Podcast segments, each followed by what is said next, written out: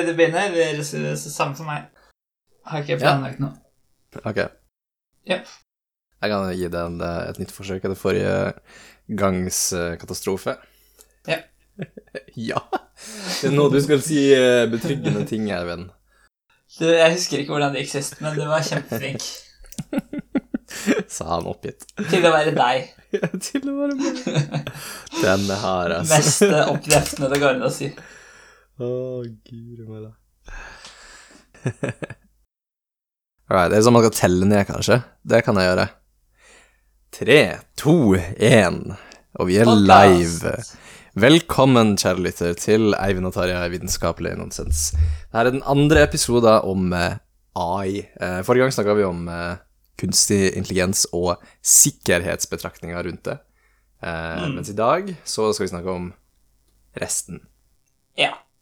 Vi fikk ikke plass til alt sist. Eh, Da måtte vi dele det i to. Sikkerhet og resten. Men sånn litt generelt da, så kan vi kanskje si at resten er litt om Litt bare sånn hva, hvordan fungerer AI? Sånn litt om feltet AI, kanskje, og litt om sånn filosofi rundt bevissthet. Er det det samme som AI? Um, Mm. ja, og litt sånn ja, forskjellig småtteri. Vi klarer nok å fylle en podkast med det. Noe annet hadde overrasket meg. For det har vel aldri skjedd før at vi ikke har klart å finne en podkast, selv når vi ikke har hatt noe tema engang. Kanskje det skal være en utfordring til en podcast Å mislykkes. Ja, men det blir litt sånn paradoksalt, gjør det ikke det? Fordi Jo, for da lykkes vi. Shit! Ja. Det paradokset så du med en gang. Ja, takk. Det var fordi det var motsigende. Og fordi vi har tross alt brukt eh, nesten to timer på å snakke om, om paradokser eh, tidligere. Ja, det tror vi hadde mye trening i det. Vi har jo egentlig strengt tatt aldri mislyktes med noe i hele vårt liv, tror jeg. Jeg, jeg tenker Hvis du har brukt nesten to timer på noe, da er du ekspert på noe.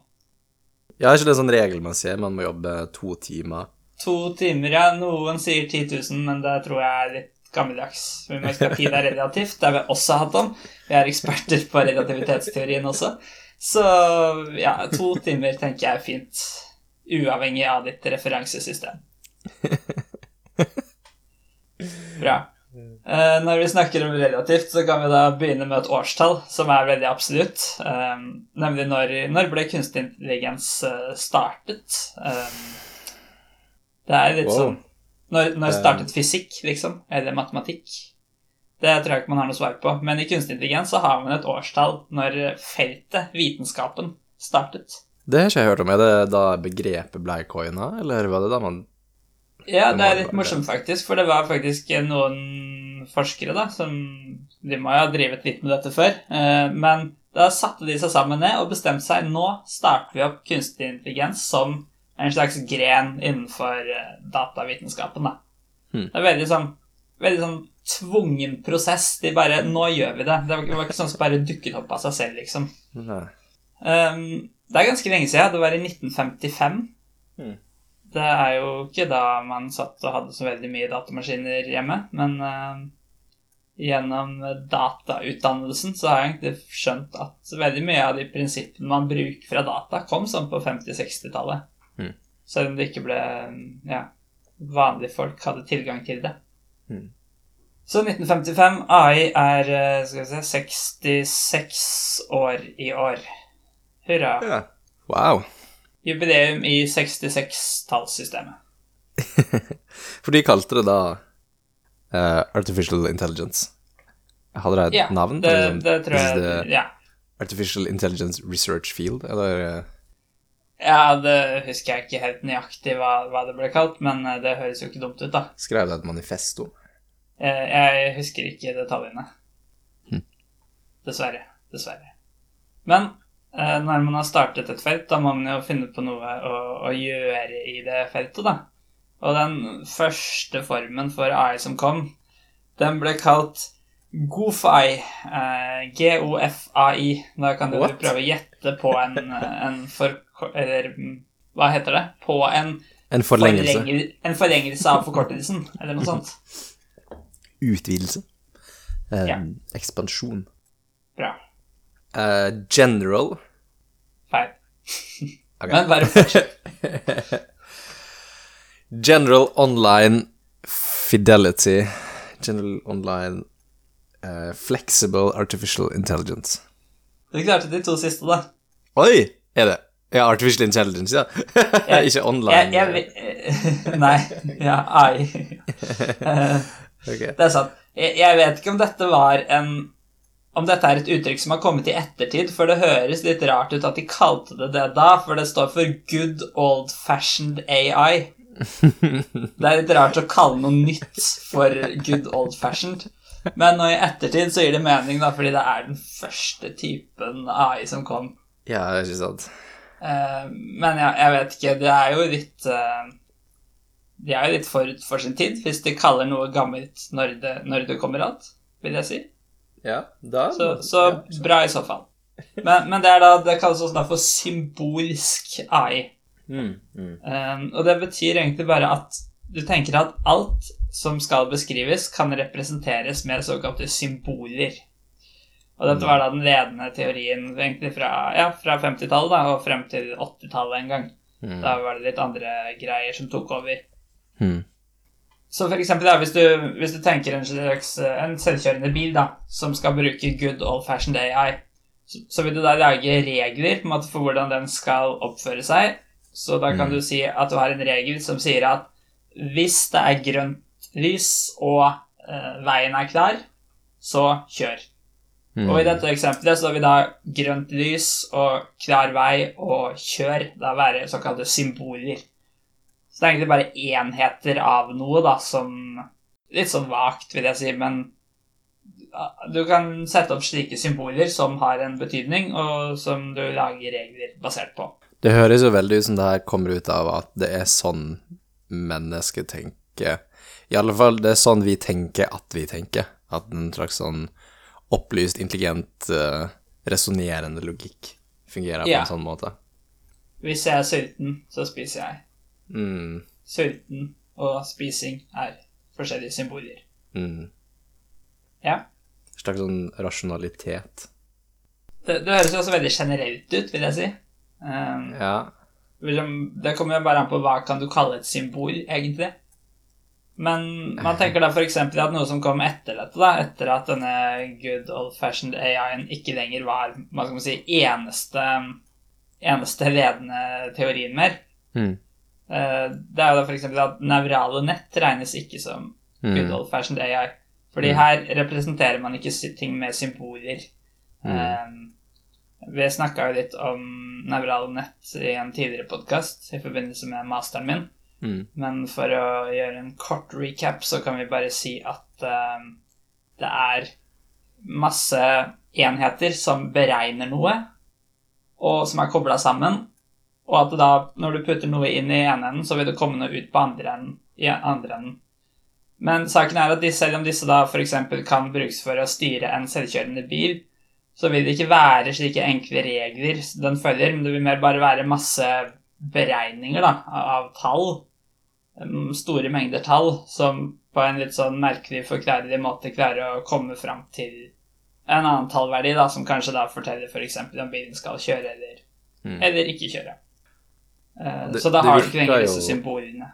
Det virker jo som det er eh, Det virker jo som at det er sånn eh, mennesker også opererer mer. Du, du, du kjører jo ikke basert på logiske resonnement.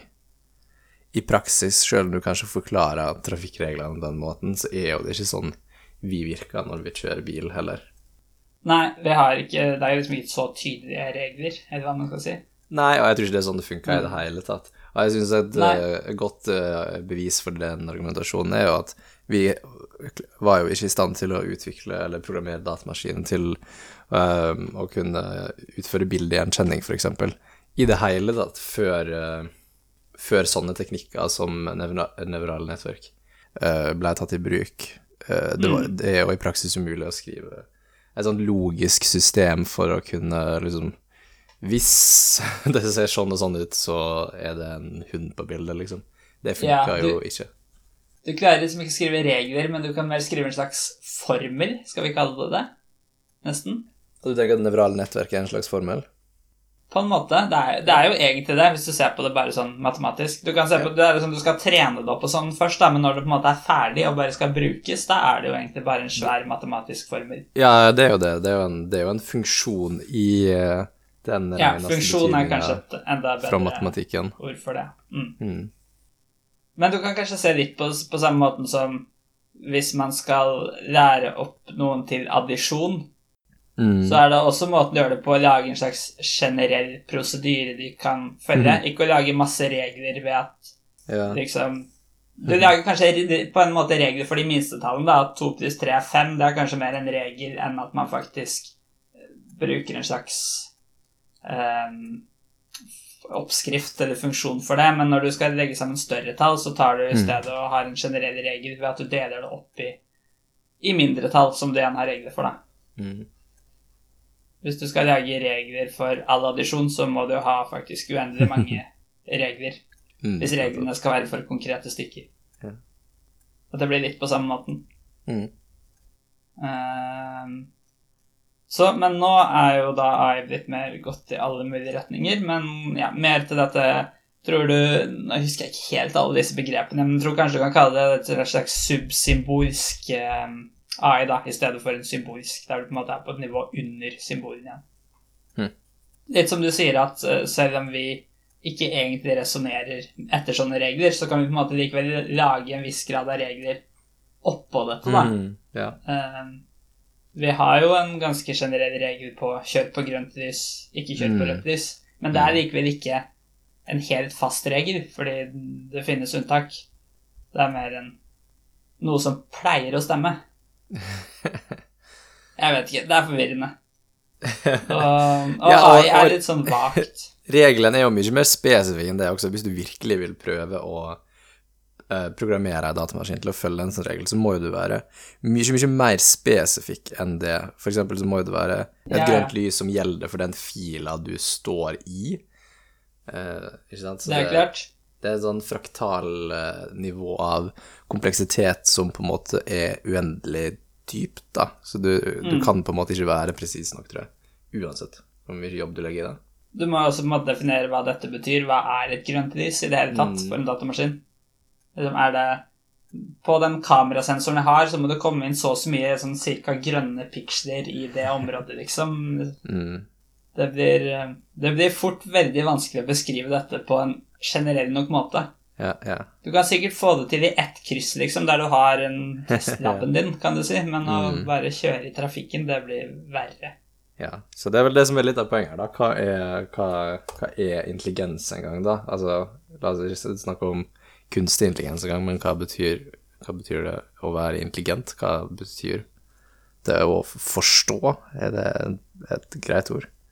Ja, vi snakka jo litt om dette sist gang, og at det var så vanskelig å definere Ja, vi snakka om kunstig intelligens, men vi kom jo også litt fram til at problemet egentlig var å bare definere intelligens, og spilte Mm. ikke så mye rolle om det var kunstig eller ikke.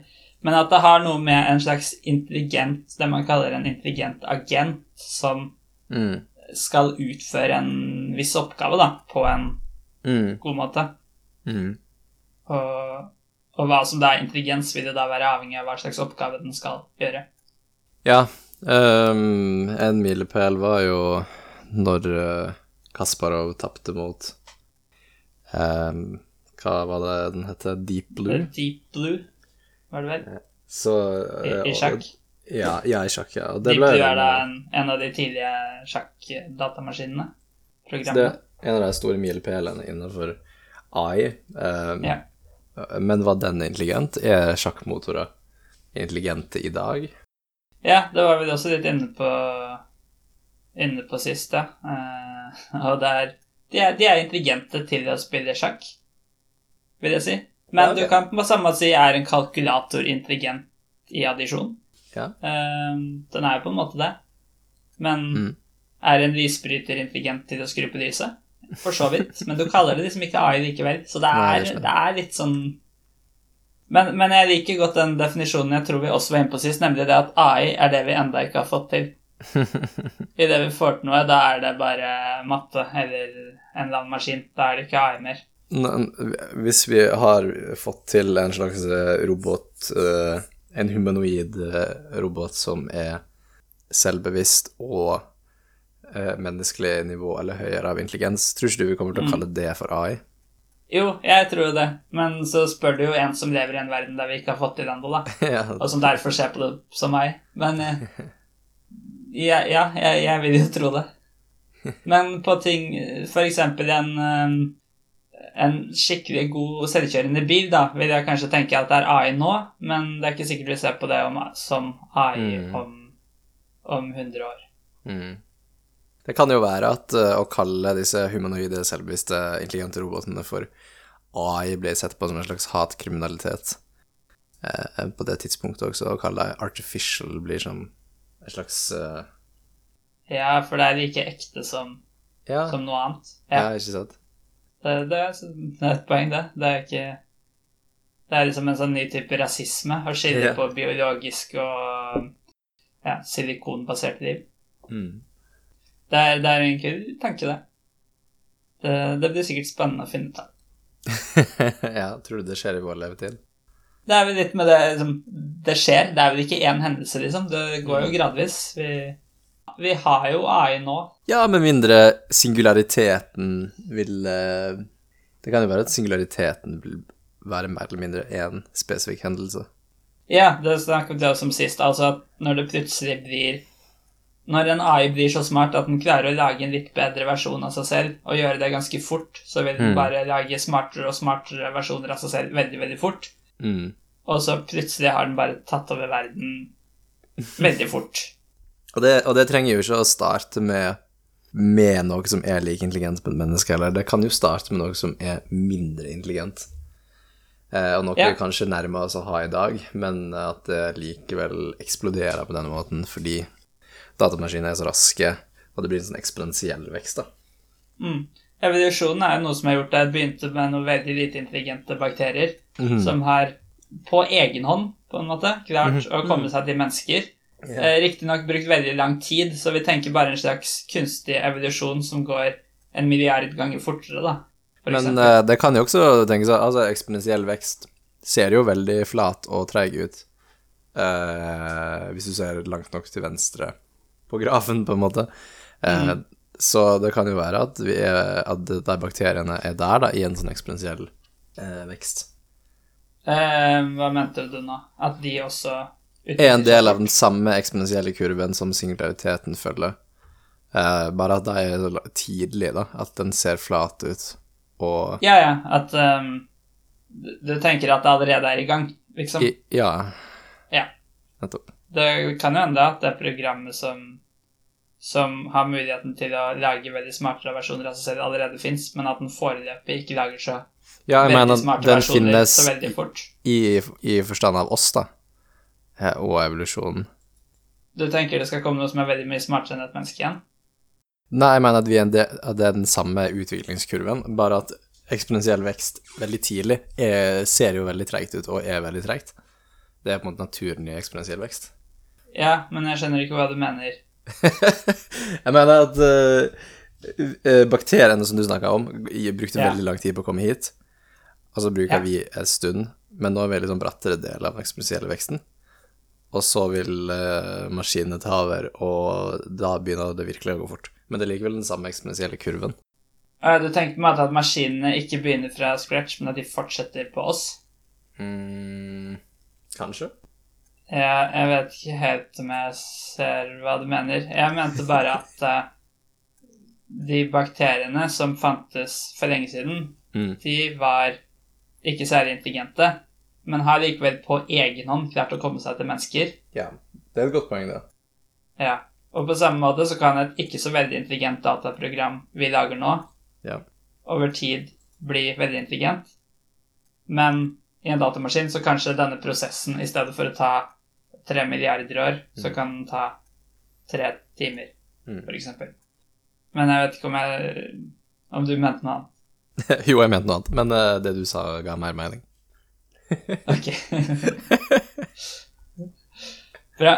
Men ja, eksponentiell vekst kan se flat ut hvis du ser langt tilbake.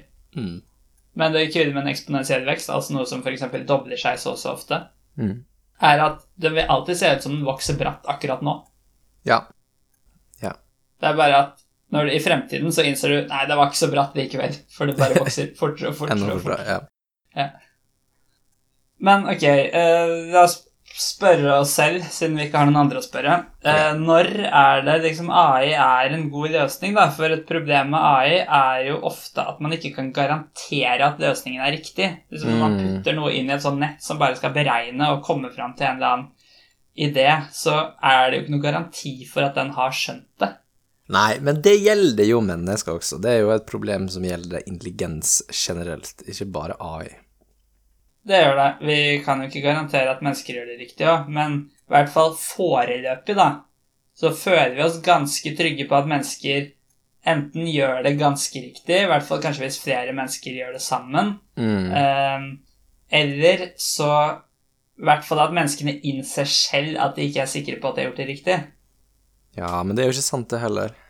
Det er ikke helt sant, men jeg føler meg likevel mer trygg på det, tror jeg, enn hvis jeg putter det inn igjen i Ja. dagens AI. Det kan hende at AI-en om 50 år er mye bedre, bare, på alle Ja, måter. ja, ja. Nei, det, men, det er men i dag det. Er jo sånn det er, og det, det er jo sånn folk tenker med uh, selvkjørende biler, og at det virker utrygt. Og jeg tror folk hadde syntes det virka utrygt sjøl om, selv om de i praksis hadde uh, langt mindre enn halvparten av uh, ulykkesraten, for eksempel, da.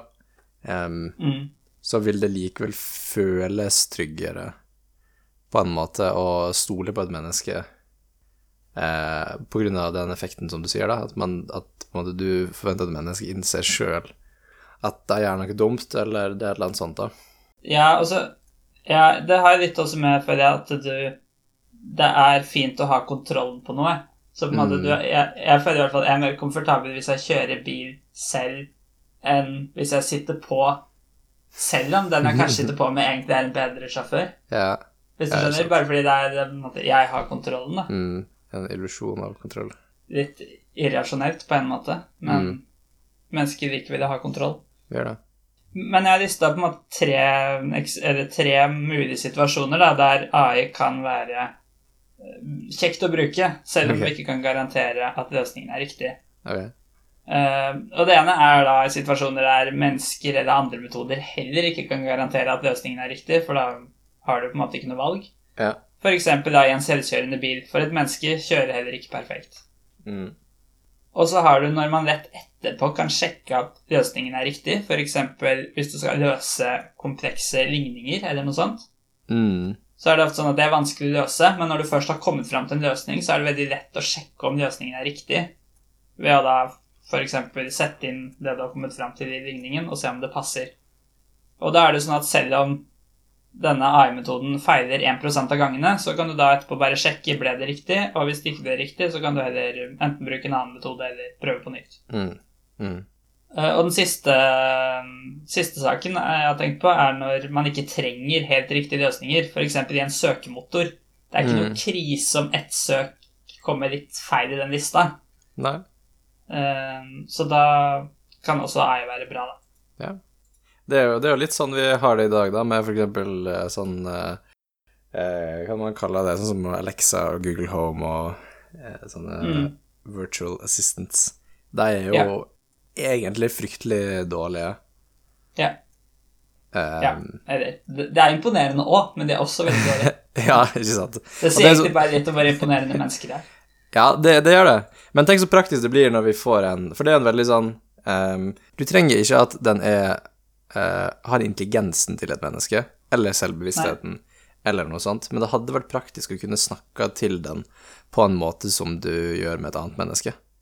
Ja, for det, en, det blir en skikkelig avbrytelse å snakke med en sånn. Ja. Det tar, det tar lang tid, rett og slett. Mm. Sett på en alarm til i dag. Ja, og så er det liksom to sekunder, og så svarer den i et sakte tempo. Ja. Og så er det 50 for feil. Ja, det er så mye feil også, da, men sjøl når du får den til å gjøre det du vil, så må du være så utrolig presis og eh, veldig sånn kunstig måte å snakke på. Da Du hadde ikke kunnet sagt liksom sånn eh, Alexa, kan du sette på en alarm til uh, seinere i dag når jeg skal ut? Eh, Mm. du kunne ikke ha sagt det på en sånn måte, for da hadde ikke, hadde ikke skjønt det. Og folk veit det, så folk snakker stupid til den. Og det gjør også, tror jeg, at liksom treningsdataen de får inn, er bare folk som snakker Oi, en ja. Så det var sånn, ja, forverrende effekt. ja, det, jeg tror det blir det, altså. Mm. Med mindre de aktivt prøver å trene opp på naturlig En naturlig måte å prate på. Men det Mm. virker også litt rart. Men det, Ja. men det er en slags sånn forståelse som mangler der, da, for du vil jo på en måte at hvis du spør om eh, om eh, når, eh, når går kinoen i kveld For eksempel. Jeg vet ikke. Så, Når går kinoen? Det, akkurat det hadde ikke engang jeg klart å svare på.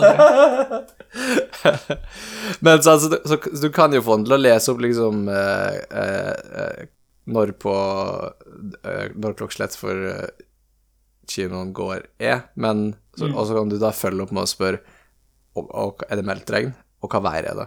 Sånn at den liksom forstår at du snakker om den samme hendelsen og plassen og tida. Eh, Ja, at den husker på kontekst, eller ja, noe sånt. ja, det, ja du, kan kalle det, du kan si det på den måten, men jeg vil beskrive det som en slags forståelse da, av det du Mm. mener, og ikke det du sier. Og det er jo det som er på en måte kjernen i intelligens på mange måter, vil jeg Mm. argumentere for, da. Ja. Ja, absolutt. I hvert fall, ja, men det blir blir på en måte den liksom, hva skal man si, AI-en rundt en samtale, da, som er Ja. en type ei, Mm. som er helt irrelevant for en sjakk-ei. Ja. Men så må man også, det er viktig å huske på at en AI kan være nyttig selv om den ikke er like bra som mennesker. Rett og slett bare fordi at mennesker slipper å gjøre det. Ja. Akkurat som jeg vil tro at uh, det, er, det blir bedre kvalitet på gresset når et menneske klipper det, enn når uh, en, uh, en robotgressklipper gjør det. Men det er likevel deilig å slippe det. Du, vil- du ofrer litt, liksom, for at det skal ja, det er fair, og det gjør jo folk som bruker Alexa, og Google Home eh, eh, mm. De gjør jo det, folk bruker det jo, selv om de er eh, fryktelig dårlige, da. De har jo likevel en viss verdi. Det, Det hadde vært bedre å hyre inn en menneskelig tjener, liksom. Ja, ja, Men det blir mye dyrere. Det er jo et spørsmål, da, hvis vi, for det er litt det som er poenget med den generelle kunstig intelligensen som vi er ute etter også, at de skal kunne gjøre alle disse tingene som mennesker gjør, eh, i Ja. en slags drøm om å kunne erstatte alle menneskelige jobber med, eh, med roboter. Og det er jo, det høres jo veldig fint ut, men tror du det er realistisk? Ikke at vi får det til, for det er jo på en måte en annen diskusjon om AI, eh, om vi er i stand til å lage AI, men om vil det gagne menneskeheten når vi en At den tar alle jobbene. Ja, Det, ja, for det, det hadde jeg også lyst til å ta opp i dag, så, så ja. Jeg er veldig enig i at det er interessant, for um, ja um, Er det realistisk? Jeg, jeg tror det er litt uh, ignorant å si det ikke er realistisk. Å si liksom Men vi klarer jo ikke å få AI-en til å jobbe som vet ikke, lege eller uh, postmann eller Mm. som et eller annet. Liksom å si sånn en konkret jobb Dette går jo ikke. Det føler jeg blir veldig ignorant. ja. Er du enig? Eh, det Altså, på veldig lang sikt så er det sikkert det. Vi får jo det sikkert til. Ja. Men jeg tror ikke det er en kjempelang sikt heller. Nei, det er vanskelig å si, da. Det kommer litt an på um, Ja, om du skal ta absolutt alle jobber, da. Men eh, Ja.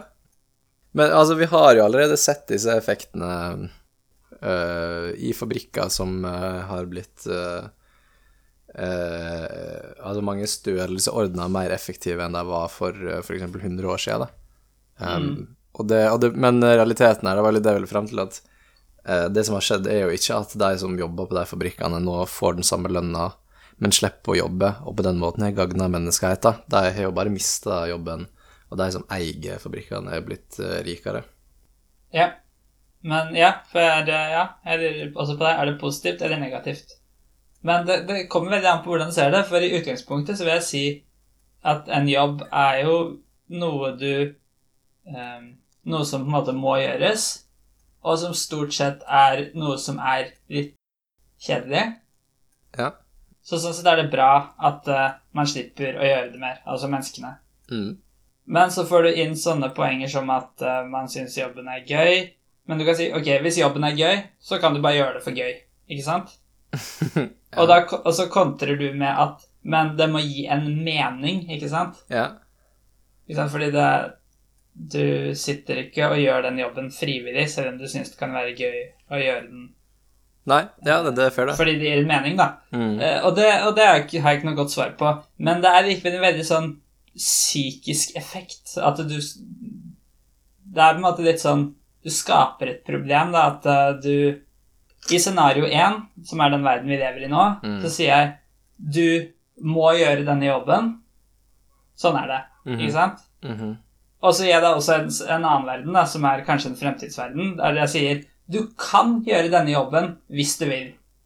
Ja. Og, og det er på en måte, hvis du er imot at robotene tar over jobben, da sier du at det å få det valget er negativt. ja. Ikke sant? Som jeg syns det er Det blir en veldig sånn Det er kun psykisk at det valget kan være negativt, for en valgmulighet er jo noe bra, egentlig. Ja, er det egentlig det? Det er enklere å ikke ha et valg. Ja, du vil jo ikke Tenker Ja, jeg tenker jo det. Ikke i alle sammenhenger alltid, men det, det Nei. går an å ha for mye valg også. Hvis du, hvis du er med på en quiz, er det fint å få valg, for eksempel.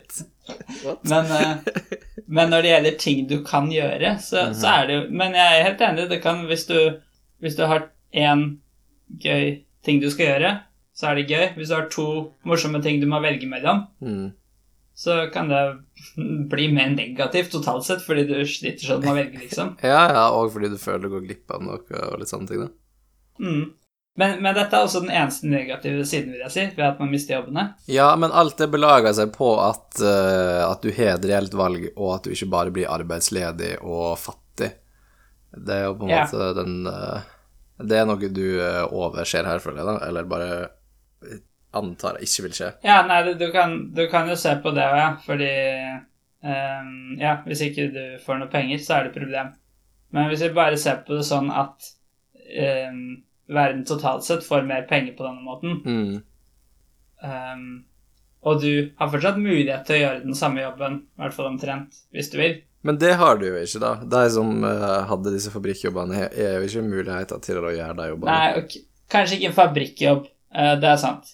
Men helt sånn reelt, er det noen som har lyst til å stå på sånn samlebånd, egentlig? Nei, nei, Egentlig. selvfølgelig ikke. Det er jo en positiv ting at folk slipper å gjøre det.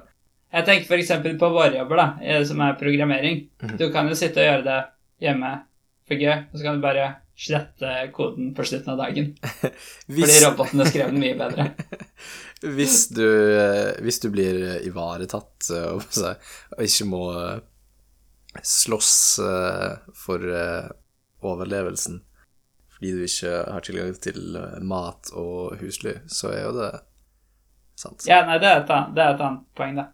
Men jeg vil jo argumentere for at det her allerede er et problem, fordi verden har jo blitt, i alle fall den vestlige verden, men egentlig hele verden, vesentlig mye rikere og mer effektiv og produktiv eh, på alle områder, nettopp av teknologi. Og det har jo ikke gagna eh, gjennomsnittspersonen på langt nær, proporsjonalt sett, like masse. Nei, det kan, det kan hende, det. Vi kunne jo i Norge eksempel alle sammen jobba eh, 20 for eksempel, og på en måte fortsatt hatt overflod. Mm. Ja. Nei, det, det, jeg vet ikke, jeg har ikke noen løsning på det. Men en idé, det kommer litt an på hva slags Er det mer maskiner, eller er det roboter? For hvis det er litt sånn eh, generelle kunstig intelligens-roboter, som nærmest ser ut som mennesker, så kan en idé være at eh, du kjøper eh, sånne som jobber for deg, og da vil du på en måte få dems lønn. Ja, en slags entreprenøriell eh, vri til det, der alle blir eh, produksjonsmiddeleiere. Mm. Men jeg vil jo også tro at mange bedrifter bare vil kjøpe sine egne, i stedet for å leie roboter av Ja. Det er nettopp det, det, er det som skjer i realiteten. Mm. Nei, det er ingen løsning, men uh, er det egentlig noe å diskutere? Fordi er det noe som uh, kan stoppes? Ja, det er jo et annet godt spørsmål. Det er jo Var ikke vi litt inne på det innenfor sikkerhet også? Det er jo noe folk jobber, det.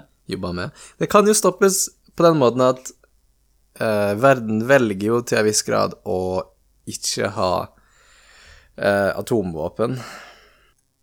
Uh, Ja, Og det vi kunne ha gjort det samme med AI. men det er noe med det Det er mulig vi snakket om det så stå sist, men grunnen til at atomvåpen ikke er et stort problem, er at folk ikke har uran i hagen sin, Ja.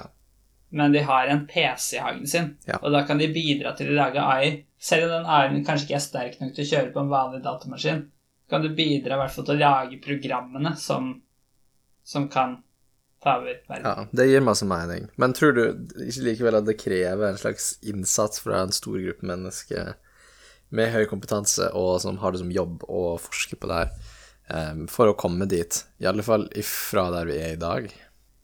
Ikke hvis du gir det nok tid, tror jeg. Det er jo tidsperspektiv. Ja. Um, mm. Det er jo utrolig mye man får til med open source-prosjekter i dag Ja, ja, innenfor det er data. Det er bare masse frivillige sitter og øver på fritiden. Mm. Det er egentlig helt sykt. Ja.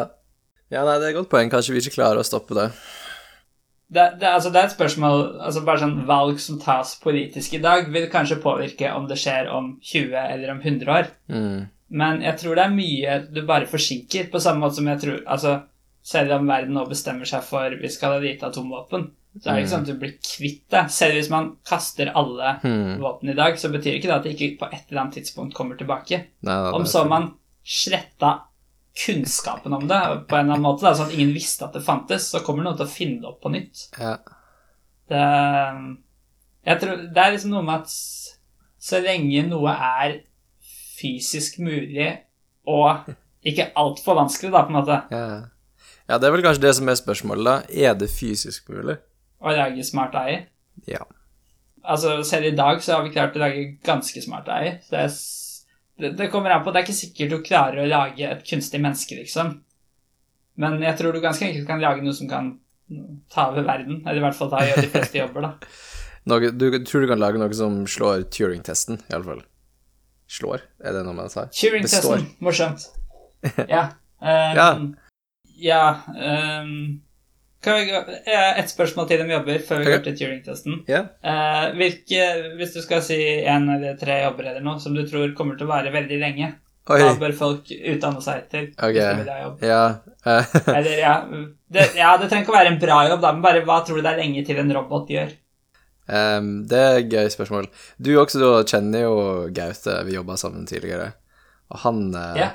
uh, fortalte om si eh, om det var ei gammel tante eller bestemor som hadde fått eh, beskjed når hun var ung, om å, om å utdanne seg til telefondame, telefonoperatør. Fordi telefonen hadde kommet for å bli. Ja, og det er litt sånn. Hva sa du, det? Ja, den, den fins jo fortsatt, da. Ja, det var jo helt rett, uh, rett eh, det de forutså om framtida, men også helt feil. Så eh, det greiene der er vanskelig, da.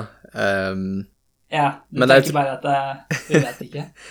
men jeg tror det går i at det som eh, Altså, når vi har kunstig intelligens på, på den nivået at det er generell kunstig intelligens, eller litt sånn Det, det er noe med det menneskelige i det, i det at det har den forståelsen og innsikten til å være eh, Ja, det du ville kalt på en måte menneskelig, da. Så kan jo du erstatte alle jobber med det, og da har jo du på en måte det problemet med at ingen mennesker, eller alle mennesker er overflødige plutselig, og det kan slå begge veier i at vi blir uh, Får det enten veldig digg eller veldig Eller veldig fælt, ikke sant? Eh, så det er jo på en måte en endstaten på et vis, men, men eh, før vi har kommet dit, og det er ikke sikkert vi klarer å komme dit i det hele tatt, så vil de jobbene som krever Altså, det er jo nettopp det, da, at eh, fabrikksamlejobbene forsvinner, men noen må jo fortsatt designe og tenke ut hva man ønsker å ha. Så alt som handler om liksom, kreativitet og forståelse og liksom tenking og greier, det er der det ligger, da, tror jeg. Ja, jeg vil bare legge til at vi kan jo få det helt middels òg. Vi må jo ikke utelukke det scenarioet. Tror du Men- det er sannsynlig? Jeg vet ikke. Vi får se.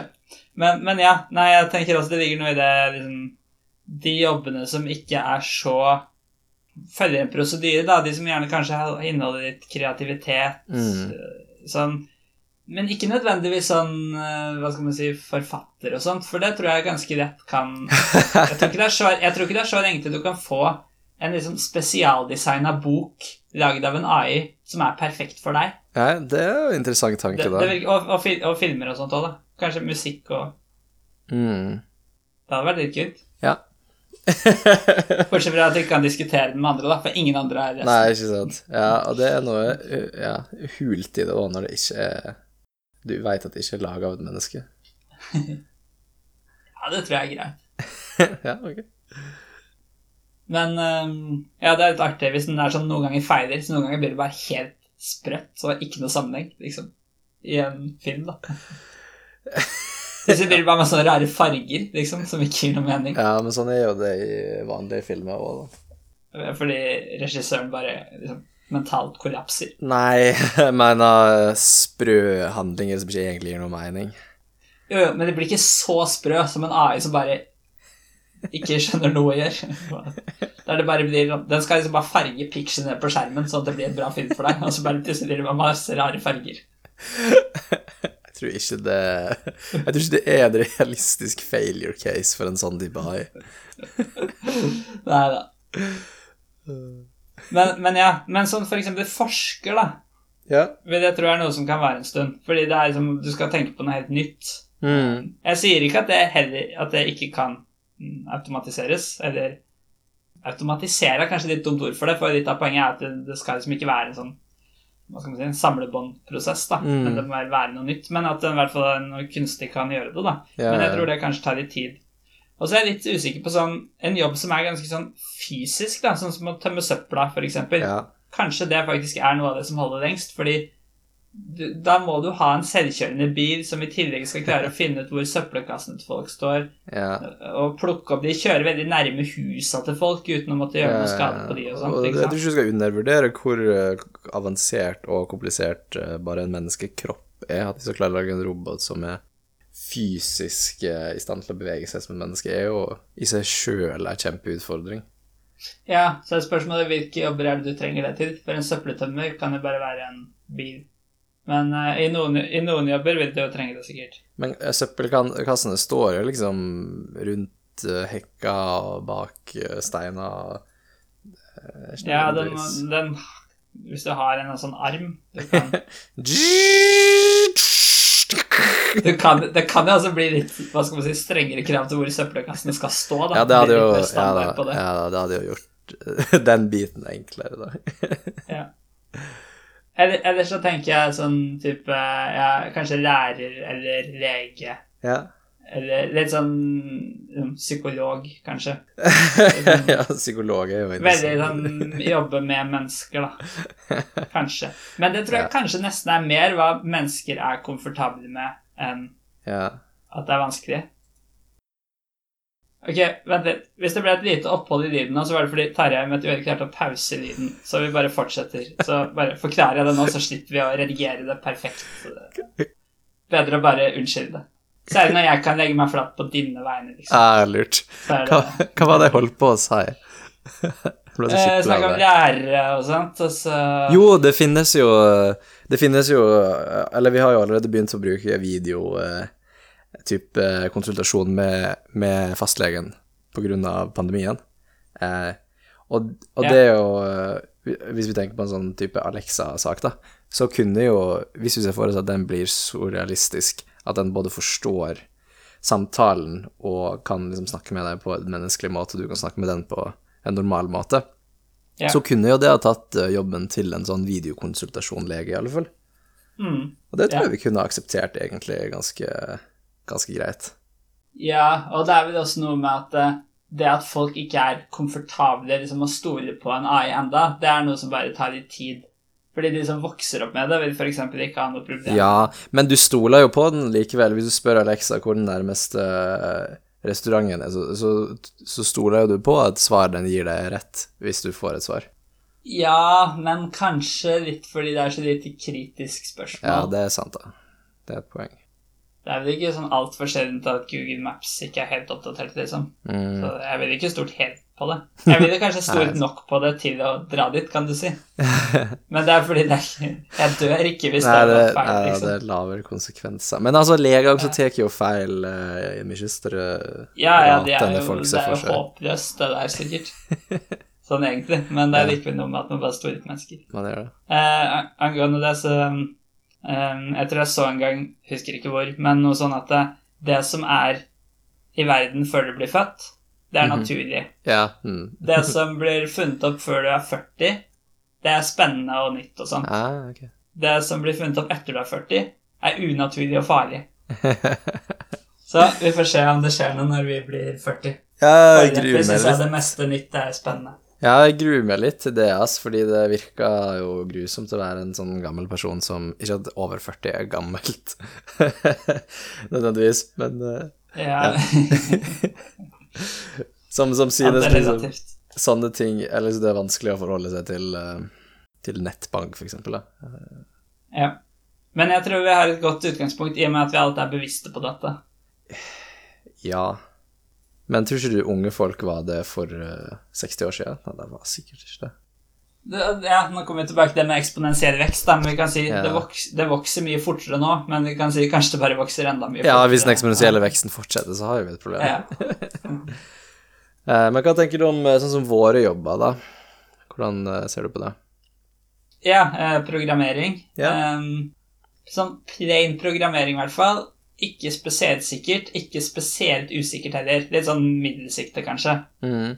Tror det verste er sånn kanskje en uh, type økonom. Sitte i Excel liksom og jobbe. Ja, Um, ja, sånn enkle jobber på datamaskin, egentlig. For, liksom, når du jobber på en datamaskin, da er du allerede et steg nærmere å kunne automatiseres, vil jeg si. ja, det tror jeg. Og vi sitter jo vi sitter jo på datamaskiner og programmerer hele dagen, men eh, Men og jeg tror likevel det er vanskelig eh, å erstatte oss fordi det er såpass mye kreativitet og den type menneskelig forståelse som går inn i det. For det vi gjør, er jo i stor grad å snakke med andre folk, se og skjønne og forstå problemene deres, og så tenke ut en eh, løsning og, Ja. implementere det. For jeg tror også det er hvis du jobber en del mer med også, hva skal man si, arkitekturen til et nytt system, liksom, ja, liksom hvordan det skal virke, kanskje litt er hvis du skal ha noe litt sånn som må virke matematisk i det, må drive og tenke litt på hvordan dette skal virke, liksom alt det rundt. Mm. Hvis du jobber en del med det, og da blir det en del verre. Men hvis du sitter og lager nettsider, liksom, Mm. um, sånn generelle nettsider, da, hva skal man si, for eksempel, Mm. det er jeg litt mer skeptisk til. Ja. Men det er jo, ja, bare, det er jo ganske imponerende, vil jeg si, når man programmerer nå, hvor mye som går automatisk. Og hva tenker du på da? Nei, bare med sånn at den, for, den foreslår jo ting. ehm, Ja. alt sånn Jeg vet ikke om jeg har så mye eksempler, men jeg bare tenker det er mye lettere å programmere nå enn før, tror jeg. Der du mer måtte skrive på en måte mer lavnivåkode, da. ja. Det er sånn Du trenger ikke nødvendigvis å gjøre så mye for at det skal Det du får ut, er ganske mye program, da. Ja. Jeg vet ikke om du er enig?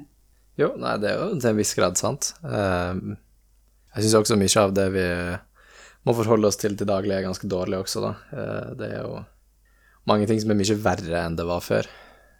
Mm, å ja. Ja, jeg vet ikke. Eh, har noen prøvd å åpne Slack, for eksempel? Software blir jo før bare fantes det ikke. Software blir jo bare treigere og treigere og treigere, og PC er mer og mer ubrukelige for hvert år som går. Jeg tror ikke det er sant. Jeg tror du er eh, Du, du glemmer hvor tregt du var. Ja, det kan hende. Og så er det noe med at nå skal vi ha 30 programmer åpne på PC-en om gangen.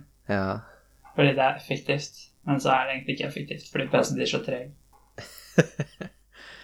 Ja, men PC-en er jo også 1000 ganger kraftigere enn den var for uh, 15 år siden. Og du har ikke 1000 ganger flere Ja. program oppe. Så hva er det som Ja, skjer? det, det, det er denne Moore's love, da. Ja. Den dobbelt så mange transistorer på halvannet år.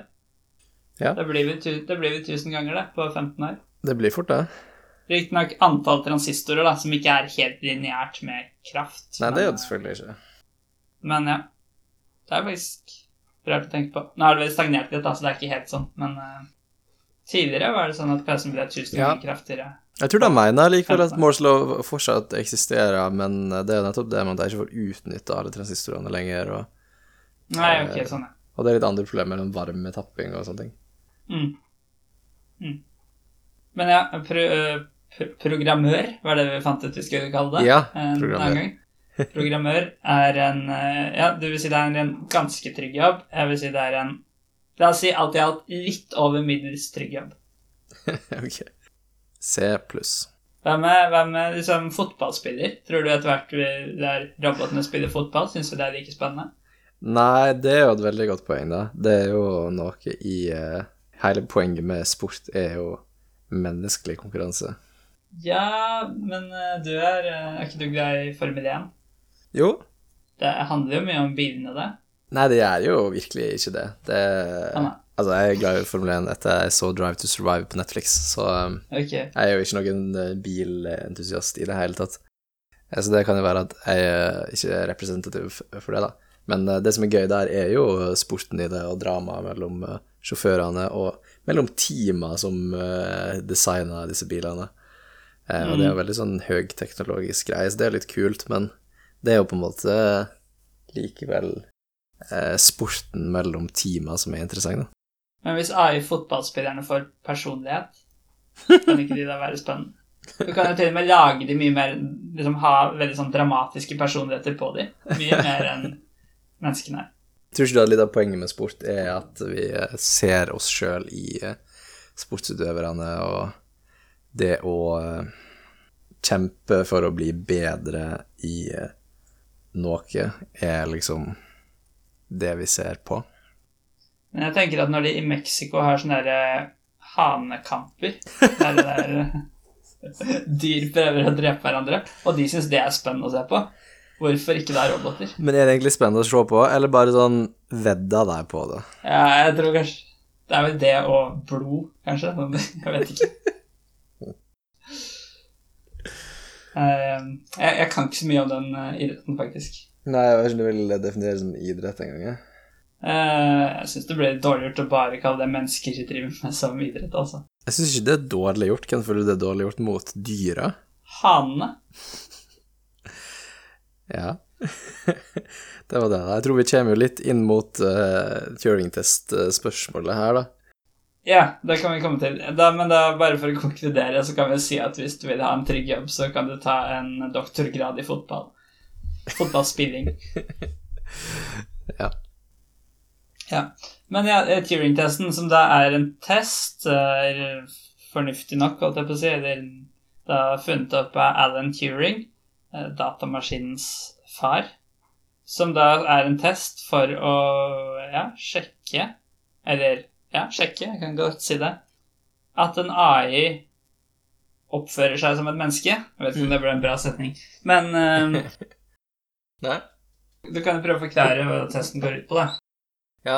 uh, jeg vet ikke hvordan den opprinnelig var formulert, men man tenker vel noe sånt som at du chatter med en AI da, på eh, liksom over tekst.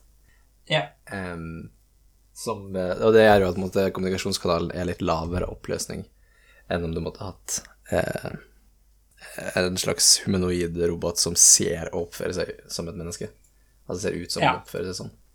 Mm. Um, så, du, så du har en tekstbasert kommunikasjon, da, eh, og, og så er da testen at hvis, uh, hvis et menneske ikke klarer å avgjøre om den personen jeg prater med, er en ekte person eller er en uh, robot, Mm. uh, så har roboten bestått Turing-testen. da. Ja. Ja, så du snakker vi da normalt med én AI og ett menneske, og så skal du gjette på hvem som jeg vet ikke om det var så Eller er det så formalisert liksom, hvordan du skal gjennomføre det i praksis?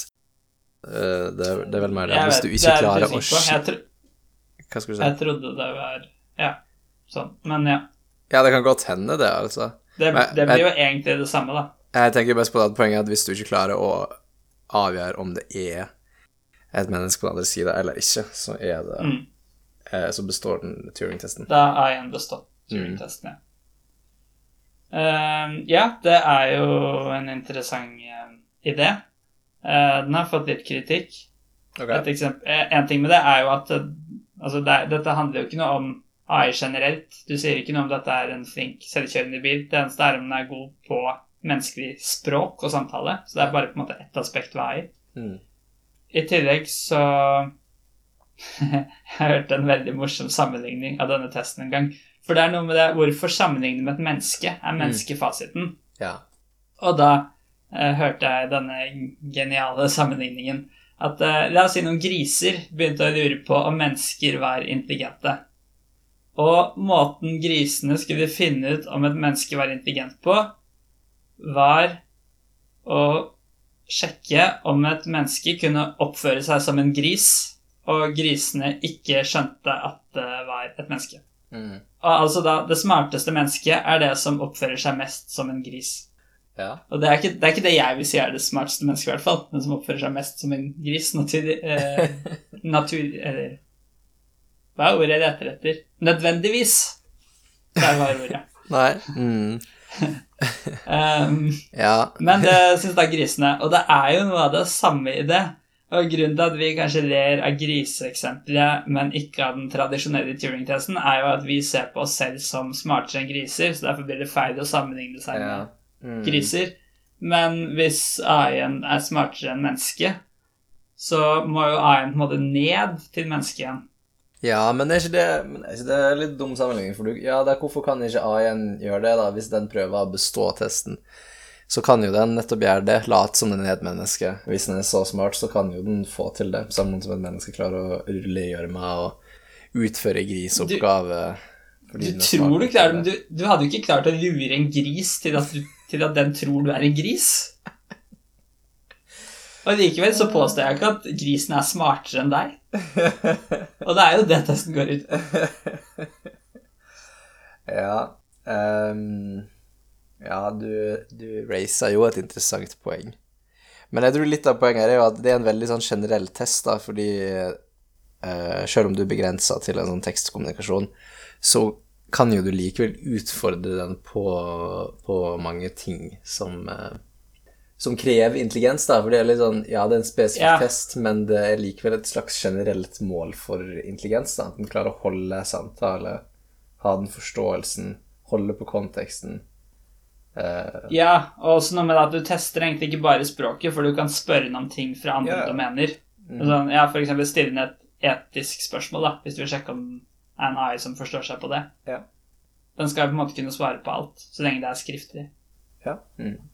Så, så godt som et menneske, i alle fall. da. Mm. Ja, så nei, eh, jeg vil si Altså, Turing-testen har absolutt noe for seg. Den kan være kjekk å bruke, men den er ikke fasit på hva som er intelligent. Nei, det er jo ikke slutten på uh, utviklinga, det er jo mer sånn starten på at nå har vi noe som faktisk kan anses som generell kunstig intelligens. Mm. Men jeg tenker også at noe veldig smart trenger på en måte aldri å passere Turing-testen på samme måte som vi aldri trenger å Passere grisetesten. grisetesten. Nei Men hvis du ikke tenker på det så uh, nøye, da Men det er litt som vi snakka om Alexa i stad, at når du kan uh, snakke til Alexa på samme Like flytende og naturlig uh, som du kan et menneske Mm. Det å forstå den eh, kan erstatte en eh, en menneskelig sekretær slash assistent. Um, Jo da. og, og, og det kan jo du, selv om du ikke blir lurt til å tro at det er et menneske, så kan du likevel si at nå er den faktisk så god at den er kan erstatte et menneske. Så det er liksom en god måte å Men- måle det på, syns jeg. Ja, men det som er med f.eks. Alexa, er at det er en AI som har i oppgave å kunne snakke med et menneske. Ja. På samme måte som hvis vi lager et, en AI som har som oppgave å oppføre seg som en gris, så bør Mm. den klare å bestå grisetesten. Ja, okay. Mens hvis du lager en AI som skal eh, være god til å, til å spille sjakk Ja, ok, men da snakker du mer om en veldig sånn spesifikk greie, og det er jo Da kan jo du lage en tilsvarende test, og jeg vil jo si at den Turing-testen består sjakkmotorer i den forstand at de klarer å slå mennesket konsekvent. ja, Og du kan lure, lure et menneske til å tro du spiller mot et menneske, kanskje? Jeg vet ikke om det er målet. Men hvis vi snakker Nei, om generell kunstig intelligens, da, så synes jeg Turing-testen er fair. Nettopp fordi det skal være en sånn generalitet i det, da. Men det er litt interessant, fordi vi sier at um, Eller du sier nå at um, hvis du spiller sjakk, så vil du at den skal kunne slå deg. Ja. Men hvis du skal prate med den, så vil du at den skal kunne etterligne deg. Er det noe med at vi innser vi er ikke eksperter Mennesker er ikke eksperter på å spille sjakk, men mennesker er eksperter på å holde en samtale. Altså, mennesker er jo eksperter på å holde en uh, samtale med andre mennesker. Det er jo det. Hvis vi hadde gjort det på en annen Ja, måte, kanskje. så hadde jo vi ikke vært bedre på det. Da hadde vi vært noe annet enn mennesker. Det er på en måte Nei, det blir ignorant. Det kan jo hende du kan, Det kan hende en maskin kan ha en bedre samtale med et menneske enn et menneske kan. For eksempel ifølge kriterier med at samtalen er effektiv, og at mennesket du snakker med, får en god følelse Ja, av okay. samtalen. Ja, jeg er med på det, og det er fair. Selv om mennesker skjønner at det snakker med en maskin. Fordi et menneske er ikke så flink til å holde en samtale. Ikke sant? Og da vil den ikke passere Turing-testen, men den vil fortsatt være bedre til å holde samtaler enn mennesker. jeg føler det er et stupid motargument mot uh, Turing-testen. Jeg føler å si at noe er et stupid motargument, er et stupid motargument. Vel, da har vi begge falt i den fella. Da kan vi fortsette på en evig rekursjon, men jeg tror det er Vi kan dumt. det. Det er dumt for podkasten. Ja, ja, men podkasten er ikke bevisst, så det går bra. Uh... ja, så var jo det det ultimate spørsmålet, da. Har bevissthet eh, noe med kunstig intelligens å gjøre? Eller intelligens, for den del. Skulle tro du leste notatene mine, for du jeg tror, vi har, jeg tror vi har identiske notater. Kanskje vi faktisk har det? Kanskje vi bare har delt notatene tidligere, og begge tror eh, Det kan hende, de bortsett fra at jeg ikke har noen notater. Jeg bare ser Nei, det er, men, det er mentale, mentale notater. Jeg bruker min, eh, min eh, biologiske intelligens til å finne ord. La oss konkludere med at Turing-testen er helt ok. Og så kan vi gå videre til dette med det jeg, da jeg studerte AI, da.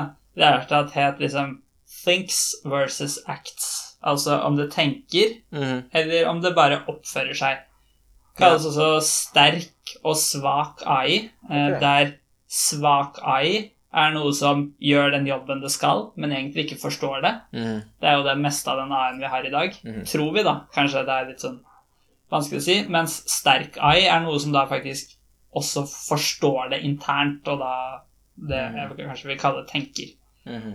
Um, og så har vi det problemet med at om noe faktisk forstår noe eller tenker, det er egentlig ikke noe vi kan vite sikkert. Nei. Vi kan Vi kan kanskje få indikasjoner på det, f.eks. Uh, hvis du ikke kan forklare noe, så er det tegn på at du egentlig ikke forstår det, f.eks. Og sånt. Men du kan, du kan jo også lage noe som faktisk bare gjør alt perfekt, men Altså, men det er litt sånn, hva mener du med forstår òg, da? For du kan si eh, å, å begrunne er ikke nødvendigvis å forstå, fordi eh, en, en sjakk-engine kan ofte begrunne hvorfor den gjorde valgene de gjorde, til en viss grad. Men det betyr ikke at det er noe inni der som faktisk forstår det. Nei, jeg, jeg føler vi ikke nødvendigvis bruker rett begrep eller terminologi her, da. For jeg tror Jeg mener Jeg har lyst til å påstå at det er en forskjell på å forstå og å oppleve. Ja, eller være bevisst. Være bevisst, ja, ikke sant? Samme med å oppleve, ja. Ja, det er det det det Mm. kommer ned til, da. ja. Så bevisst er jo da det som er sterk AI. Ok, og så er på en måte spørsmålet er det mulig å lage, og er det nødvendig å lage for å ha generell kunstig intelligens? Ja, jeg vet om ett bevis på at det går an å lage bevissthet, Ja, og det er meg selv. det er din egen bevissthet, ikke sant? Jeg antar du også har et bevis på det. Ikke sant? Og det er ikke det samme som din, ditt bevis. Nei, vi, jeg kan ikke vite at du er bevisst. Ja, og det er på både. Vi må ikke snakke for mye om sant, for da tror jeg noen blir gale. Men eh, Men vi kan dukke ned i det, syns jeg, for det er på en måte det som er det mest interessante med AI. Og, ja. ja, og det er det det handler om i det hele tatt. Fordi litt av poenget her er jo at eh, vi har lyst til å ha AI som er intelligent, som kan acte, i den forstand du snakka om, at den kan utføre ting. Eh, Sånn at den kan erstatte menneskelig slit, sånn at mennesker kan få en bedre tilværelse. Og hele poenget med at mennesker skal ha en bedre tilværelse, er jo at mennesker har en indre opplevelse, bevissthet, av å være til. Mm. Så det er jo det, poenget snakka med det her. Vi snakket om dette sist vi hadde meg òg. Ja. Ja. Hva var, hva var eh, konklusjonen vår, da? Nei, det er jo vanskelig å konkludere, men uh, jeg mente jo litt at uh, vi har ikke så mye større grunn til å tro Eller vi har litt større grunn til å tro at andre mennesker er bevisste enn en veldig smart AI, Ja. og det er fordi um, jeg Eller alle må tenke det fra sitt perspektiv, da. Ja. Men siden jeg er bevisst, så er det større sjanse for at noe som ligner meg, er bevisst. Ja.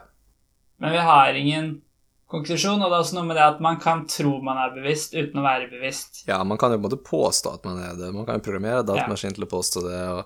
Det, Det er veldig rett. Hvis du bare kan skri få et program til å skrive på skjermen liksom at uh, Ja, ja, er bevisst. Så jeg tror det er veldig god grunn til å tro at andre mennesker er bevisste, og det er jo nettopp det at eh, du har din egen bevissthet som grunnlag og bevis, og så Mm. Og så er jo ikke du spesiell. Det er veldig arrogant å tro at du er spesiell, spesielt når det ikke er noe ytre, eller det er ikke noe Det er ikke noe som tilsier i den objektive verden at du er spesiell. Eh, Nei. og alle Ja, eller jo, det er på en måte den siden jeg Ja. oppfatter alt fra meg, da. Ja, det er true, da. Men eh, det er ikke sånn at du har en, eh, en målbart annerledes hjerne enn resten av menneskeheten, for eksempel. Nei. Så Og siden alle andre påstår at de også er bevisste, så gjør det på en måte Ja. Det er litt sånn måte, Du må, måtte konkludere med å leve som om det er sant. Eh, men eh, hvordan vi skal konkludere med det for eh, andre maskiner, synes jeg er mye vanskeligere å, å forsvare. Mm. Og så er det noe med det at den fysiske hjernen vår konkluderer med at vi er bevisste. Og Ja. det må vi Det må nesten bety at bevisstheten er noe som faktisk skapes i den fysiske verden. Det er liksom ikke noe sånn uh, i en slags sånn, hva skal man si, metafysisk som ligger utenfor, som gir deg bevissthet. For da skulle ikke det kunne påvirke hjernen din, ikke sant? Hvorfor skulle de ikke kunne det, da? Det, kunne, det, det kan jo tenkes at det kunne. Nei, ja, men da tenker jeg det er en del av det fysiske, da. Ja. Hva er definisjonen av det fysiske, da? Um, det er vanskelig å si, men si at uh, i en slags simulasjon, da, så kunne du gått inn på en måte og vært hva du ville. Så du tenkte på en måte Nå er jeg denne steinen. Men, Ja. men, det, men du på en måte påvirker ikke den på noen måte, annet enn at nå opplever du den.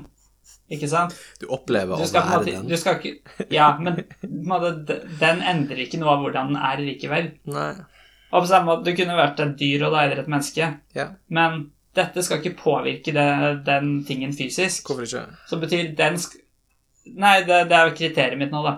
Okay. Um, uh, og det betyr at den kan ikke begynne å tenke at den er bevisst fordi uh, du nå Nei. opplever den, hva man skal si. Mhm. Ikke sant? Som betyr at uh, bevisstheten antagelig må påvirke det fysiske.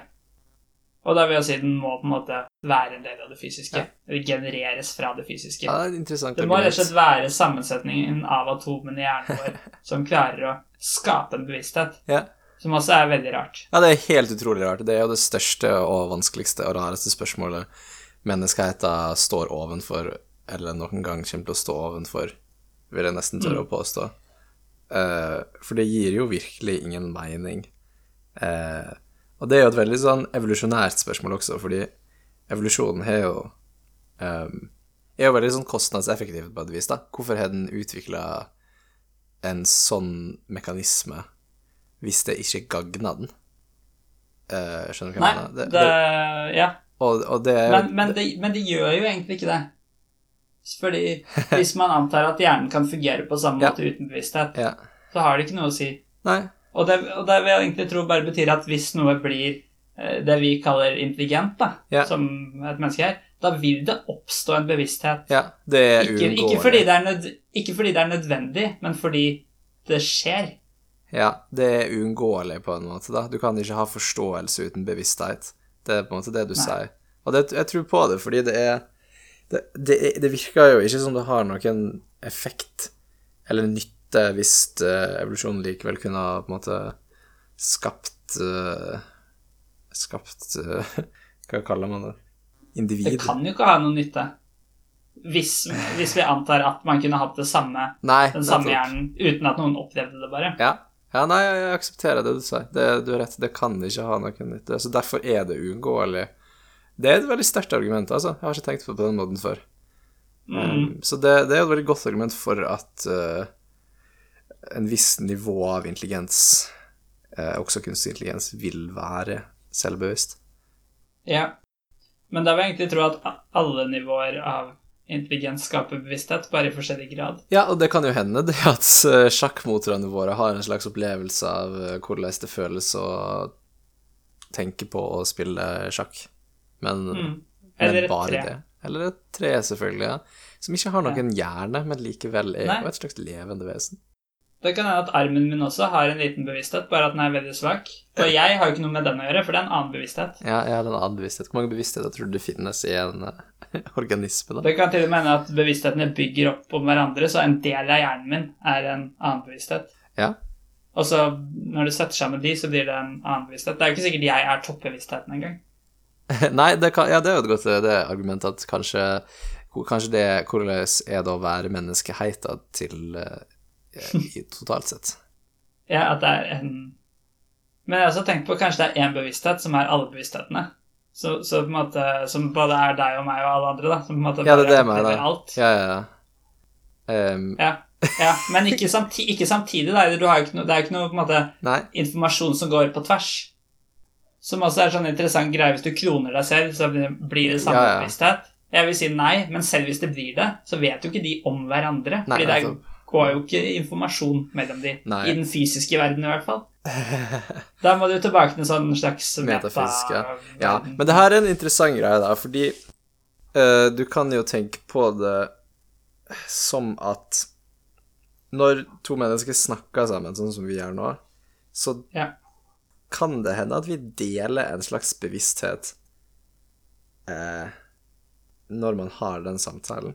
Og det høres litt Fordi det går informasjon frem Ja, det er det vil fram til, fordi selv om det På samme høres måte litt som det går informasjon mellom uh, nevronene i hjernen Yes, vår. det, det er akkurat det vi er Ja. fram til, fordi det er Ja. Det høres så metafysisk og sånn voodoo, anti-science ut å si sånne ting. Litt sånn spirituell Ja. eh, humbug. Men bevisstheten vår eksisterer jo, det må du på en måte akseptere som en fakta. og hvis Bevisstheten vår er anti-science. Ja, ikke sant? og det mest vitenskapelige forklaringa vi har, er jo at det er noe som skjer når eh, I kommunikasjonen mellom de forskjellige delene av hjernen, altså, og selv om de delene er bare på cellenivå, da, mellom, altså to celler eller to nevroner som kommuniserer eh, sant? Det er, Hjernen er distribuert i rommet bare fordi liksom hvert nevron ikke er inni hverandre. De er separert med minst liksom ett atom. Så hjernen i seg sjøl er en distribuert maskin in space and time. Bare Ja. fordi den har utstrekning inni hodet ditt, så hvorfor skal ikke det kunne foregå mellom to, to hjerner? Nei, det er et poeng. Ja, og hva skjer hvis du faktisk kobler sammen hjernene våre med eh, nevronbaner? Jeg, Liksom? jeg føler ikke det burde skje noe mer magisk da enn av at vi kobler dem sammen gjennom uh, lydbølger og eh, lys. Nei, det blir mye mer effektivt, da. Det blir eff mer effektivt, selvfølgelig, så kanskje du kan ha en slags høyere nivå av bevissthet, men jeg tror ikke, Ja. jeg synes ikke det er en slags sånn magisk sånn brå overgang som gjør at det er umulig at det kan skje i en vanlig samtale. Men noen ganger så har man jo Hvis du har en slags en indre dialog, liksom Ja. Hvis du f.eks. Uh, vurderer noe frem og tilbake eller noe sånt, er det da flere bevisstheter? Du opplever jo bare én av deg uansett, men det kan jo være at det er noen andre i andre enden som uh... Er det ikke du som har fortalt meg en gang at det var noen som har Der de på en måte har delt hjernen i to fordi de hadde en sykdom eller noe, så de måtte på en måte kutte forbindelsen mellom høyre og venstre hjerne. Ja, jeg tror vi har sett noen YouTube-videoer om det. Fikk på en måte Der er det liksom ikke noe kommunikasjon mellom hjernehalvdelene, men begge virker fortsatt eller noe sånt, så du har på en måte to bevisstheter? Eller Ja, jeg, jeg husker ikke helt. Ja, det, det var jo noe sånt, da. Det er litt sånn, det er to forskjellige typer bevissthet. Der den ene er den Mm. rasjonelle og sånn du kjenner igjen som et menneske, mens den andre er litt mer sånn på et mye lavere nivå, da. Ok. Men vet du hvordan de opplever? Er, opplever de at de alltid er den ene, eller at det switcher frem og Ja, tilbake, nei, det- eller at de er begge, eller Den personen du snakker med, er kontrollert av Jeg tror det er venstre hjernehalvdel, som er den på en måte Oi. høyeste, mest Ja, okay. ok.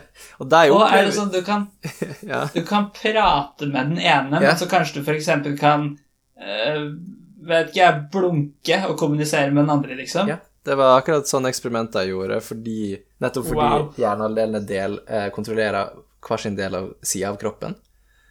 Eh, så det de gjorde, var å dele inn synsfeltet, sånn at de eh, kunne kommunisere med den ene uten at den andre visste om det.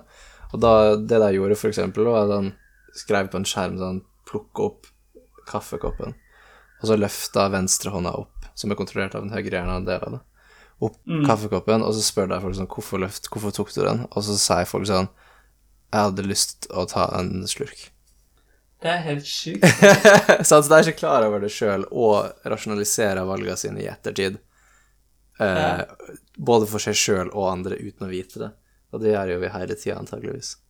Men tror du den ene på en måte har nesten all kontroll, og den andre er en undertrykt bevissthet? Fordi jeg tenker hvis jeg plutselig bare hadde blitt Altså, jeg hadde blitt splitta i to bevisstheter, da.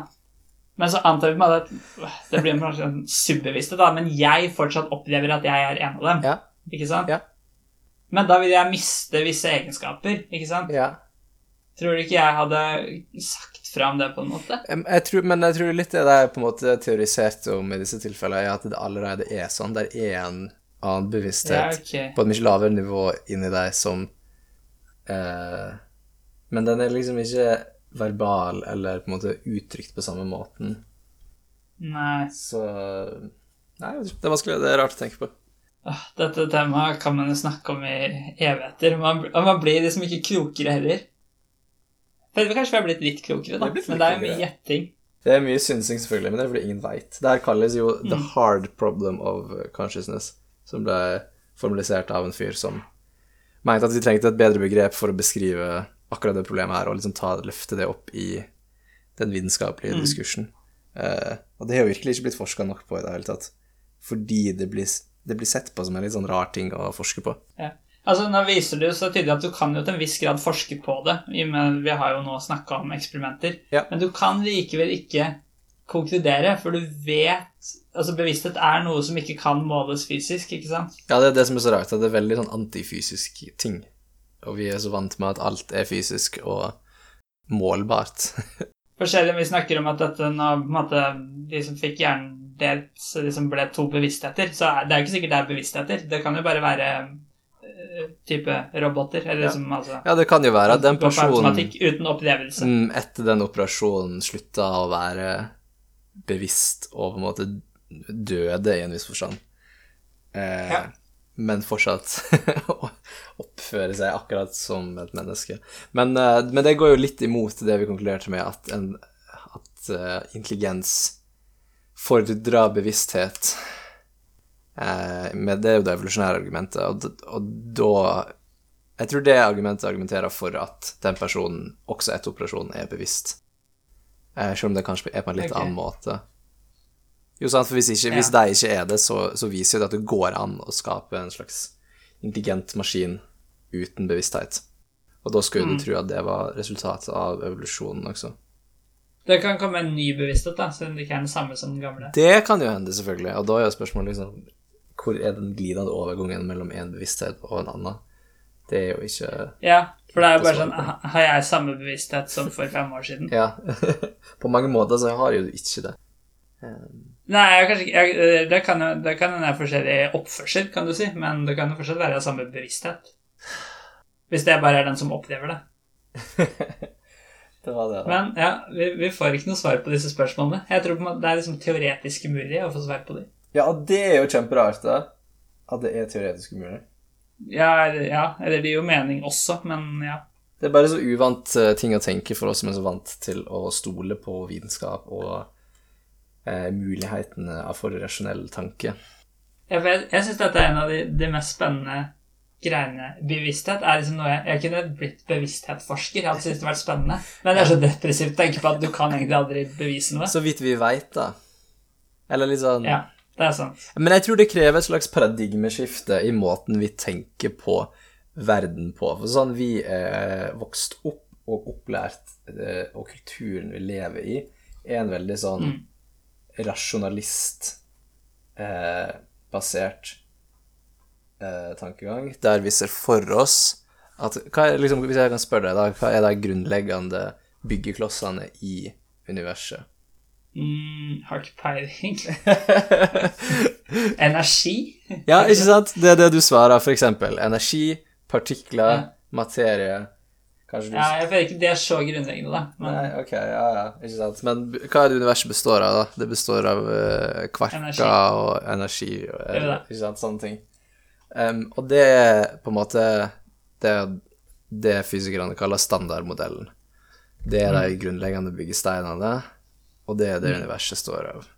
Vi ser, vi ser på en måte for oss at det eksisterte før oss, eh, og har alltid eksistert, eller i alle fall så langt tilbake vi kan forstå, så så er det det universet består av, og ut av disse byggesteinene så har større ting kommet fram, og evolusjonen har skapt det vi kjenner som oss, og så sitter vi her og klarer ikke å forstå hva er Hvordan kan disse tinga lede til bevissthet, sjøl om vi forstår kanskje at disse tinga kan lede til et levende dyr som har ei hjerne som kan øh, øh, utføre handlinger i verden på en intelligent Mm. eller tilsynelatende intelligent måte. Men, Ja. men hvordan leder det til bevissthet? Det gir liksom ingen mening for oss, da. Nei. Um, det er det ikke. og da er det jeg argumenterer for at kanskje vi burde ta et steg tilbake og tenke at kanskje det mest grunnleggende ikke er partiklene, energien, eh, kanskje standardmodellen er feil. Og hvis vi tenker oss litt godt om, så tror jeg vi kan egentlig, egentlig overbevise oss sjøl om at det faktisk er litt stupid å tenke at det er det mest grunnleggende. Fordi du tenker jo og veit jo bare at disse tinga er eksisterer og er i den virkelige verden og finnes. Altså, hvordan veit du det, da? Jeg sier ikke at det er feil at det finnes, eller at forskninga er feil, eller noe sånt, men det er vi fram til er hvordan er den forskninga blitt utført, og hvordan veit du at den har blitt utført? Og svaret på alle disse tinga er jo at du har observert det.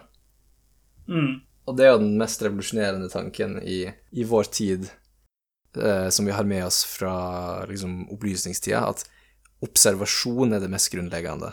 Det er det vi må Ja, sånn, ja. Det vi kan observere, sant, er det som er sant. Det er jo det forskning bygger Ja. på, og det gir mening. Men vi må ta det enda et steg tilbake sant, og tenke at, at det du kan At du kan observere i det hele tatt, og observere og være bevisst, det er det som er det mest grunnleggende. Ja. Mm. Og ja. hvis vi begynner å tenke at det er mer grunnleggende enn standardmodellen, Mm. så kan det hende at vi kan begynne å gjøre mer framsteg på å svare på det spørsmålet, da. Kanskje egentlig består ikke verden av partikler og energi, men kanskje består den av bevissthet?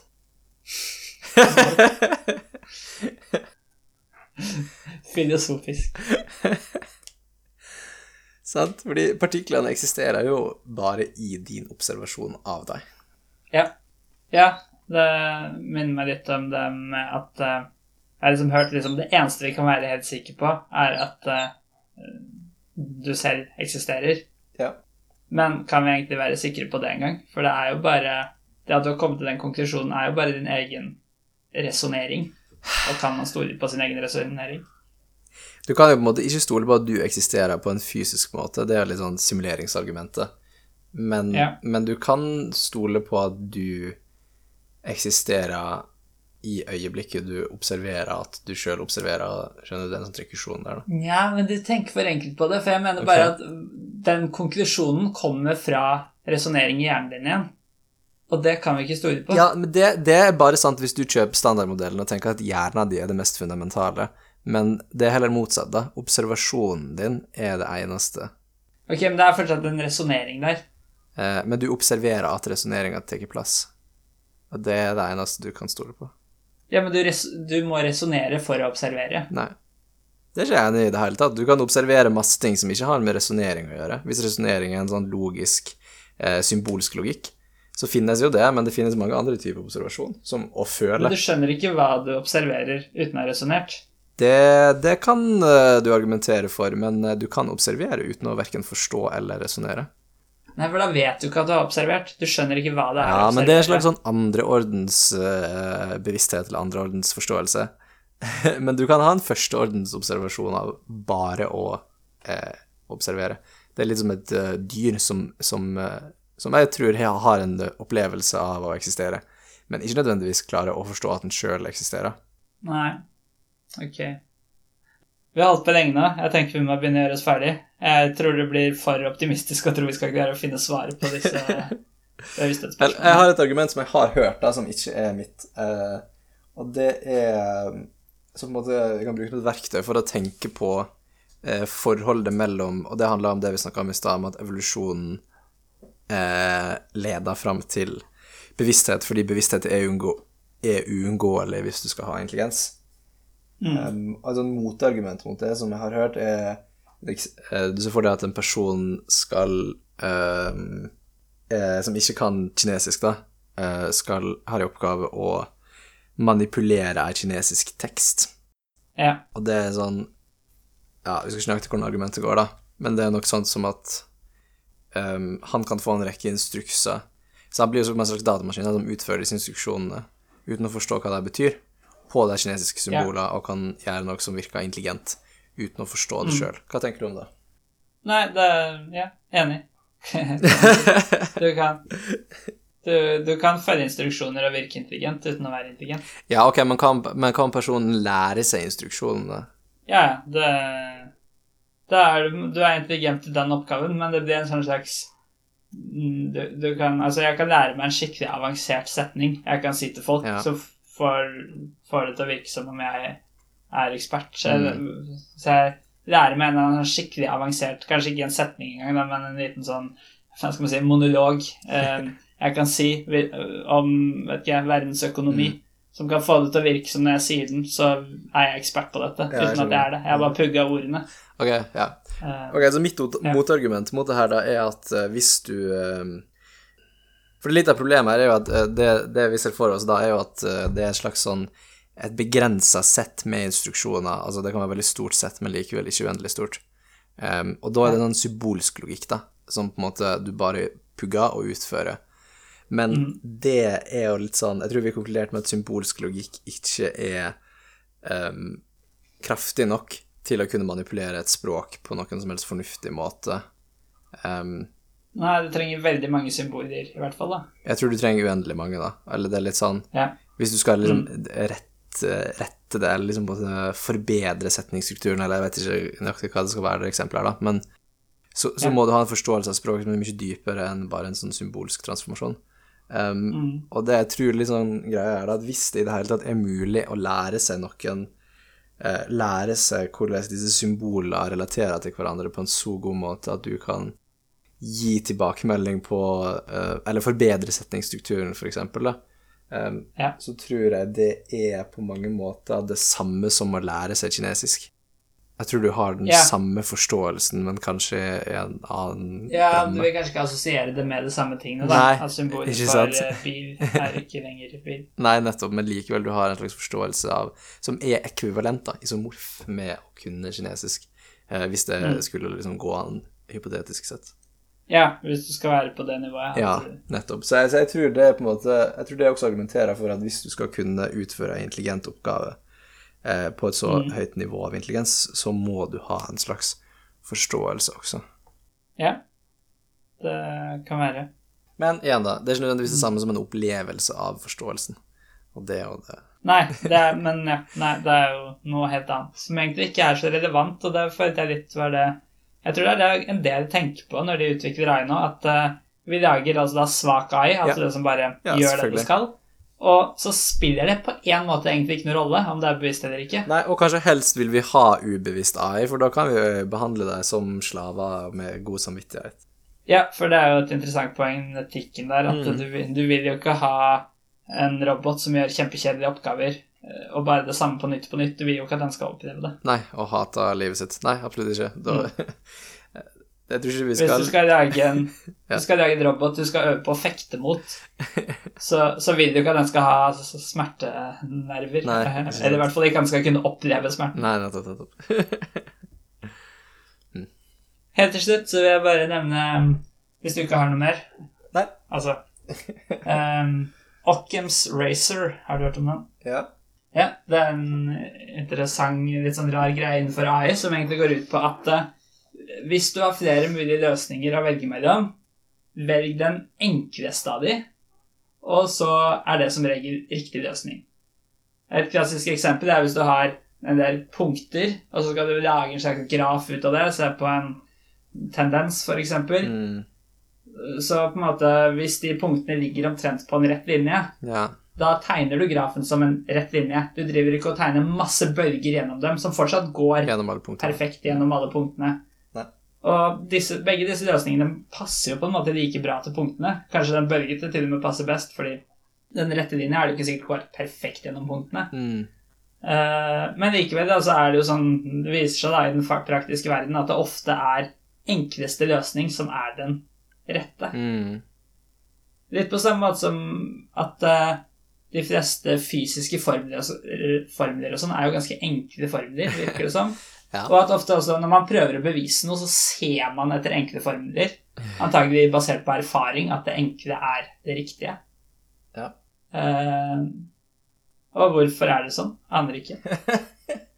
Det er det som kalles overfitting, da, hvis du ikke Mm. tar den enkle løsningen, men heller finner en løsning som riktignok passer perfekt til den, de dataene du har, men som da antagelig passer dårligere sånn generelt. Det er faktisk ikke løsningen. Ja, det er jo et kjemperart spørsmål. da. Det er jo hvorfor funka matte og fysikk så bra som det gjør i det hele tatt.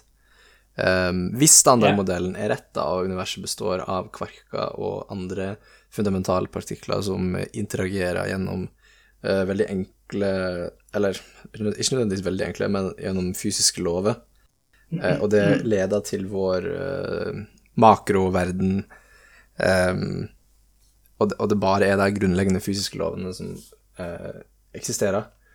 Hvorfor Ja. kan vi i det hele tatt beskrive vår makroverden på en så enkel måte som vi faktisk kan? Hvorfor må vi ikke bruke Skjønner du hva jeg mener? Tusenvis av ja, eh, små eh, beregninger på kvantenivå for å simulere eller forstå hvordan en ball blir kasta. Det er jo det er altfor enkelt.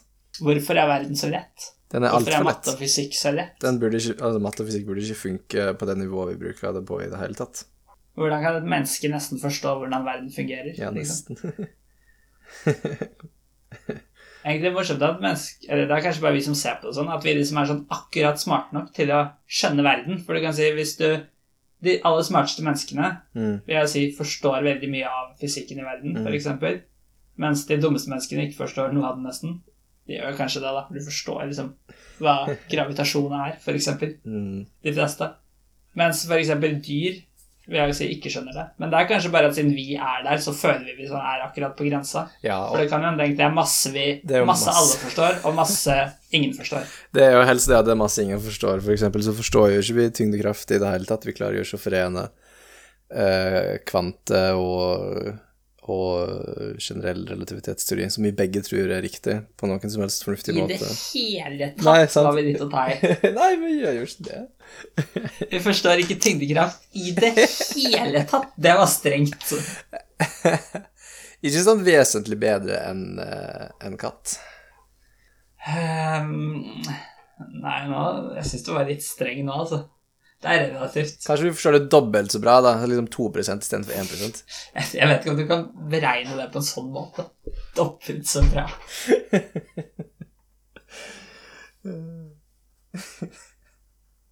Nei. Ok, men vi har jo én ting til vi må gjøre i dag. Oi. Eh, herregud. Fire. Altså, poenget er vi ringer et random nummer og spør om en fun fact. Ja. Det spør meg Du må si et tall. Er det det som er konseptet? Hvis ikke har, vi noe mer fornuftig å spørre om. Ja, nei, Det er en veldig ufornuftig ting å gjøre, syns jeg, da. Det er jo alltid gøy med en fun fact. Vi kan Ja, for oss som Men det, mottar det. altså, når du, du har sagt jeg må ringe til jeg uh, treffer på noen folk, Ja. og, for de fleste numre er jo ikke i bruk. Uh, og etterpå så er det din tur, og da kan du spørre om hva du vil. Ja, Men bare, si jeg sier det nå, jeg kommer ikke til å gjøre det her, men det er hy- fortsatt underholdende å høre deg gjøre det. Eh, jo, takk. Og alle lytterne må kjefte på Terje. Si et tall, du. Fem, Seks, sju, én, to, null. shit, én. Vanskelig å komme på tall. Jeg glemte alle sammen. Ok, nå skal jeg prøve å skru opp bordet mitt. Er. Æsj. Nummeret Hæ? er ikke i bruk. Hører du det ikke? Nei. Nei, nummeret var ikke brukt. Hæ? Da er vi null av tre. Statistisk sett skal vi treffe ca. én av fire ganger, så da vet vi jo hva som skjer neste gang. Det er sånn uh, statistikk funker. Outromusikk.